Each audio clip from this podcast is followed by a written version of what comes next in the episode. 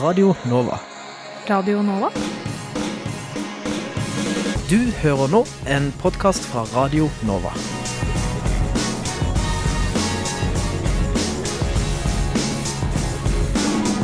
Fuck you, fredag. Og i dag så skal vi la en mann som, som sjelden slipper til her, uh, få lov til å si noen ord. Uh, og det er deg, tekniker Simon. Eh, Vær ja. så god. Ja, eh, du, uh, Fuck you fredag i dag kommer til å handle om uh, nasty Sånne derre Nasty. Nasty griser. Nasty Nas- nasty, ja. Nasty folk. Ja. Hele den derre Weinstein-greia. Ja, ja, ja. Schweinstein, som du, som du sier. Uh, Simon. Altså, altså, hva faen Altså sånn herre Bare hvordan hva, Altså, unødvendig. La liksom Det skal være mulig å gå gjennom livet uten å fucking dra ut pikken og drive og runke ned i en busk Ja, bør foran, foran liksom Jeg vet ikke, interns eller Mm. trainees eller, eller up and coming stars. Det skal være også sånn Men, Men det skal også være mulig å gå gjennom et liv uten altså, og slippe å se det også. Ja, ja, det tenker jeg. ja. Det er nesten, nesten viktigere, kanskje.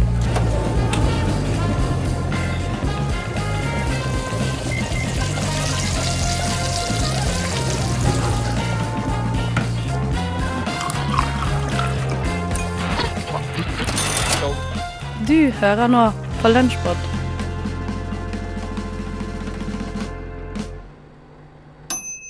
R. O K O S. T Frokost. Fortsatt god morgen, du som hører på. Nå skal jeg prøve en greie som jeg pleier å gjøre på mandager klokken eh, 7.30 ish.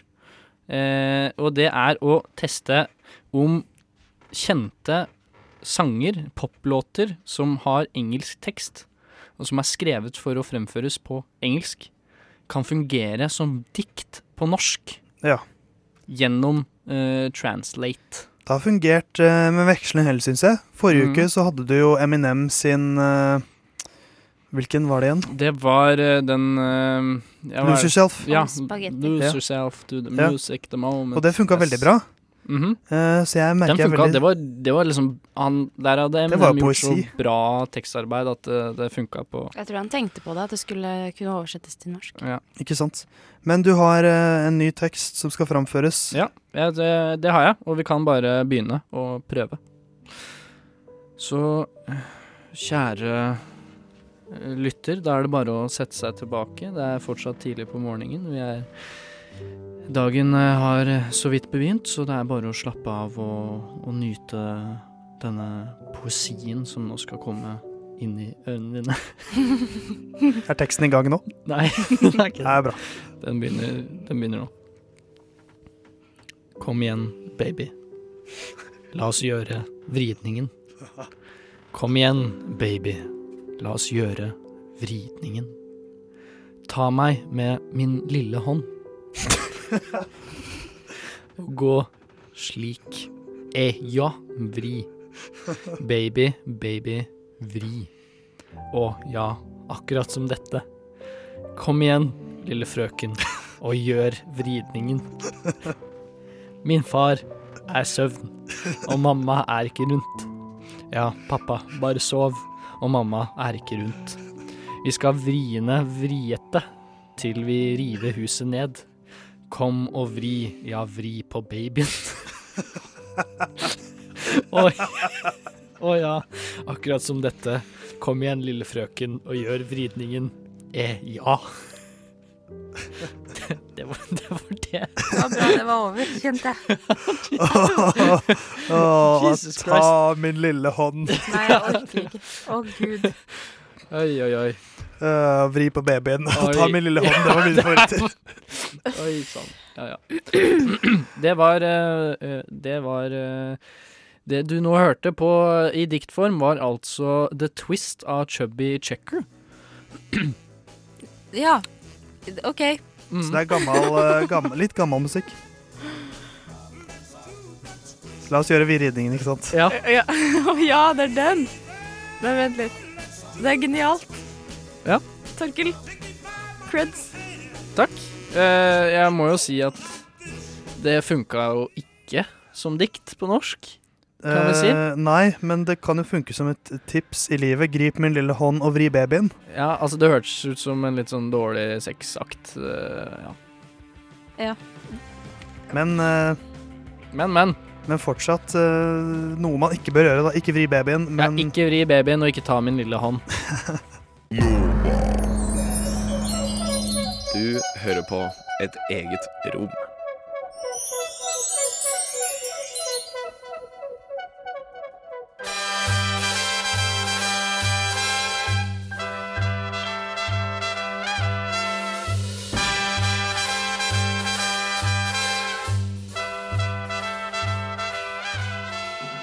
I mellomkrigstiden så var Berlin et naturlig samlested for homofile.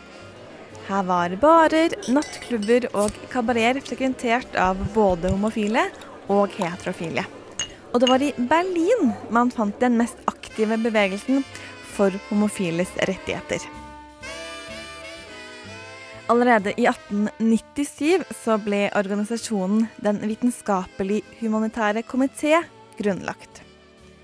Komiteen jobbet for å bekjempe forbudet mot sex mellom menn, og jobbet for å oppnå anerkjennelse, i hvert fall en begynnende anerkjennelse, av homofile og transkjønnede.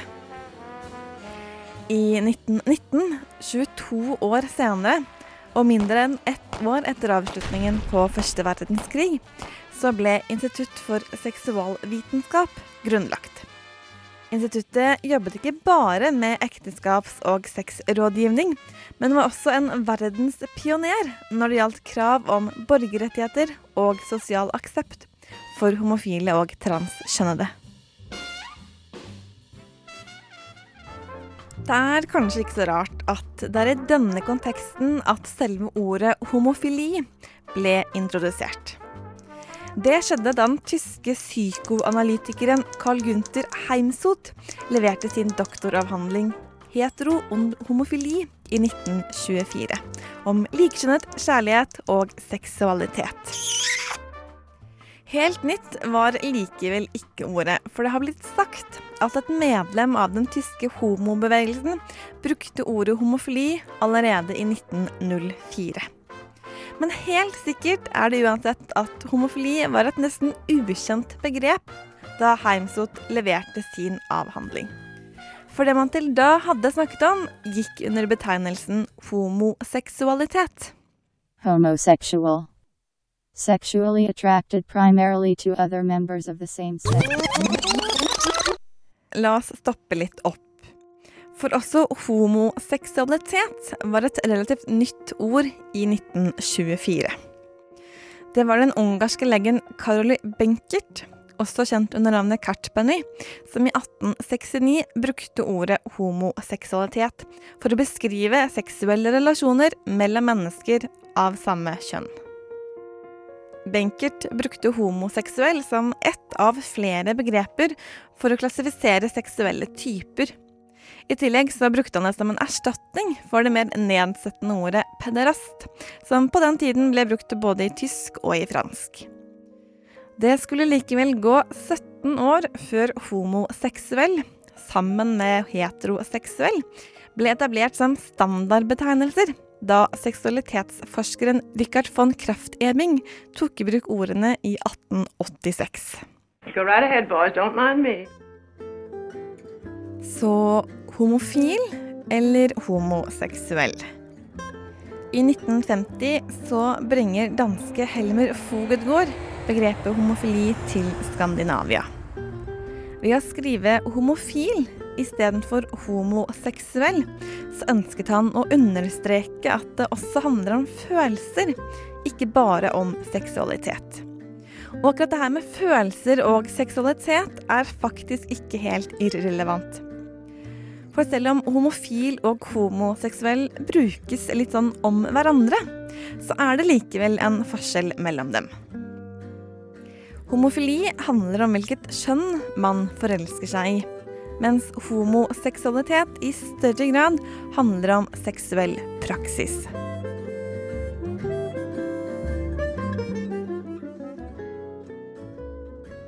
Det er likevel litt forskjell i hvordan de brukes, og hvor de brukes. Mens det i Norge er mer vanlig å bruke homofil, er det homoseksuell som er vanligere å bruke i Sverige og i Danmark. Og i de engelskspråklige landene så forsvant ordet homofil når begrepene gay, lesbian, bisexual og transgender dukket opp i 1960-årene. Og det engelske språket er ikke alene om akkurat det. For også i tysk, spansk og italiensk, for å nevne noen, så er det homoseksualitet som har blitt stående som det moderne og det nøytrale ordet. Mitt navn er Hans Petter Moland. Du hører på Nova Noir, FM 99,3. Film er best på radio. Über eine halbe Million jüdischer Menschen, die die Konzentrationslager überlebt haben, befinden sich zurzeit in Transitlagern der amerikanischen Det sies at tyskere ikke har humor. Det var i alle fall det Else Kåss Furuseth sa før premieren på Min pappa Tony Erdmann på Vika kino i fjor en gang. Men det var lenge siden jeg hadde ledd så godt av en film. Dagbladet kalte den årets beste film og ga den sekser på terningen. Det gjorde Aftenposten, Adressa, Bergens Tidende og Filmmagasinet også. VG på den andre siden ga den fire. Men hvorfor er det så overraskende at tyskere har humor likevel? Eller hvor kommer denne fascinasjonen av dette med tysk humor fra? I Aftenposten-artikkelen 'Finnes landet uten humor?' fra 2013 skriver Ingrid Brekke. Som så mye annet handler også tyskernes påståtte mangel på humor om andre verdenskrig. Det har to hovedgrunner. Rett etter krigen lå landet i ruiner, og humor sto ganske langt nede på dagsorden og tok lang tid å få reetablert. Som ansvarlig for den største katastrofen i Europa har tyskerne også lenge holdt en lav profil utad for ikke å provosere, både på politisk nivå og som turister. Tyskere som snakker høyt på sitt eget språk og ler seg fillete, er fortsatt ikke velsett overalt. Dessuten elsker vi mennesker stereotypiene, og det er vel ikke mange av oss som har prøvd å finne eller skjønne tysk humor. Det er morsommere å late som at den ikke finnes. Beermann, David, jüdisch. Sie waren Häftling im Konzentrationslager Sachsenhausen. Wie sind Sie dann dorthin gekommen? Mit einer Limousine, mit Chauffeur? Was brauchen die I Bye Bye Germany, eller Es war einmal in Deutschland. direkte oversatt Det var en gang i Tyskland, er det etterkrigstid, og det er jødene som ler. For de vet virkelig ikke hva annet de skal gjøre. Mormannen David Berman, spilt av Moritz Leib-Treu, var den eneste i familien sin som overlevde konsentrasjonsleirene, og nå vil han bort fra Tyskland. Han vil emigrere til USA og leve et fritt liv et sted han ikke blir konstant minnet på hva som har skjedd. Men Berman innser at han må ha en startkapital, så han samler en gjeng kamerater, og de begynner å selge overpriste sengetøypakker til tyske husmødre. Hva brauchen de Deutschen momentan am dringendsten? Wäsche. Wir werden aufmachen einen Wäschegroßhandel. Leute, ich bin dabei. Vor Ende der Vorstellung Als Projektionist ist er eine Katastrophe, aber als Verkäufer genial. Mit welchem Trick arbeitet er? Er wird Schuldgefühle bei den Deutschen. Schuldgefühle bitte? Men fordi det finnes to pass med hans bilde på, og fordi han ble sett på som en privilegert fange under oppholdet i Sachsenhausen, blir amerikansk etterretningstjeneste mistenksomme og anklager Berman for å være nazistkollaboratør. Regissør Sam Garbarski balanserer perfekt på grensen mellom humor og alvor. Det er mye komikk, men alltid elegant utført og aldri smakløst eller forgjeves. Vi følger Berman og gjengen hans mens de lurer og svindler seg inn i hjemmene til tyske husmødre eller sørgende familier for å selge de kjempedyre sengetøypakkene til en uslåelig pris. Mens de forelsker seg og sakte, men sikkert finner tilbake til rytmen i det vanlige livet igjen. Vi møter den nitriste og kjempesøte trebeinte gateunden som har lagt sin elsk på Berman, og vi følger Berman til avhørene hos amerikanerne, som han veldig gjerne vil holde hemmelig for vennene og kollegene sine. Berman tilbringer mye tid i avhørene, og spesialagenten som avhører han, tror ikke på den ville historien om hvordan han ble hyret til å bli Hitlers vitsecoach. På denne måten veksler historien mellom nåtid og fortid, og forteller den tragiske og komiske historien om David Berman en gang i etterkrigstidens Tyskland. Temaene som blir tatt opp, er av de mest alvorlige, og nettopp derfor er det så deilig å kunne le godt mellom de følelsesmessige, tunge slagene tilskueren får i magen gjennom hele filmen. Man føler med Berman og alle hans opplevelser, og til syvende og sist vet jeg ikke helt om jeg har mest behov for å le eller gråte når Bye Bye Germany er over. Men jeg velger å le, for som kameratene sier i filmen, det hadde uansett ikke forandret fortiden om vi hadde grått. Alt i alt er Bye Bye Germany en rørende og morsom film om noe man aller helst ikke skal le av. En film som passer godt til en lørdagskveld med familien. Jeg gir Bye Bye Germany syv av ti. Hitler ist tot, aber wir leben noch.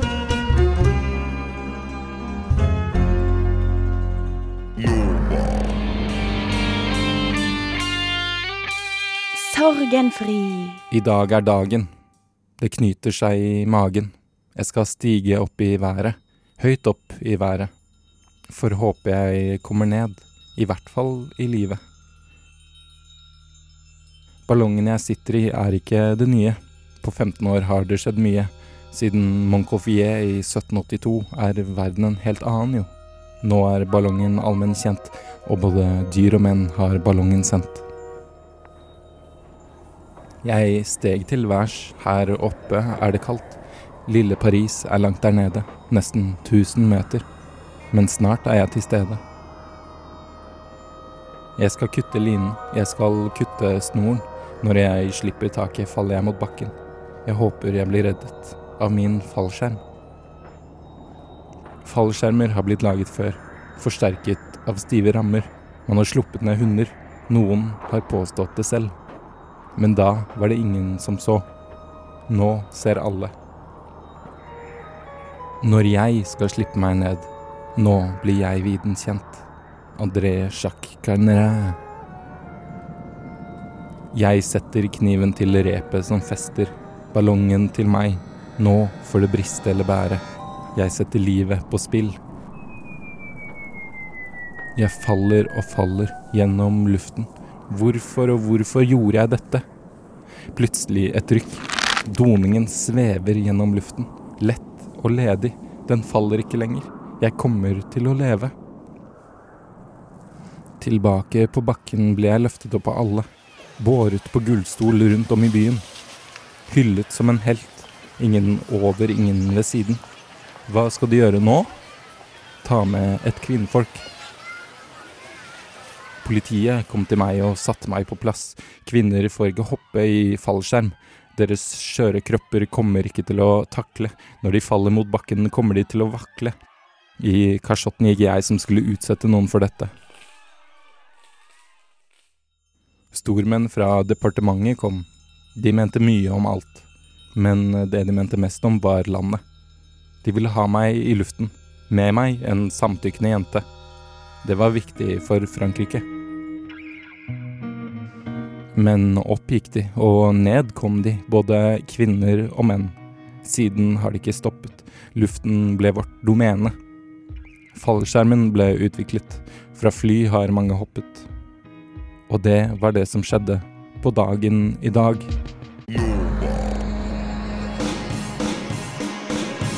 Du har hørt en podkast fra Radio Nova.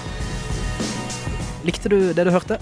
Du finner flere podkaster i iTunes og på våre hjemmesider radionova.no.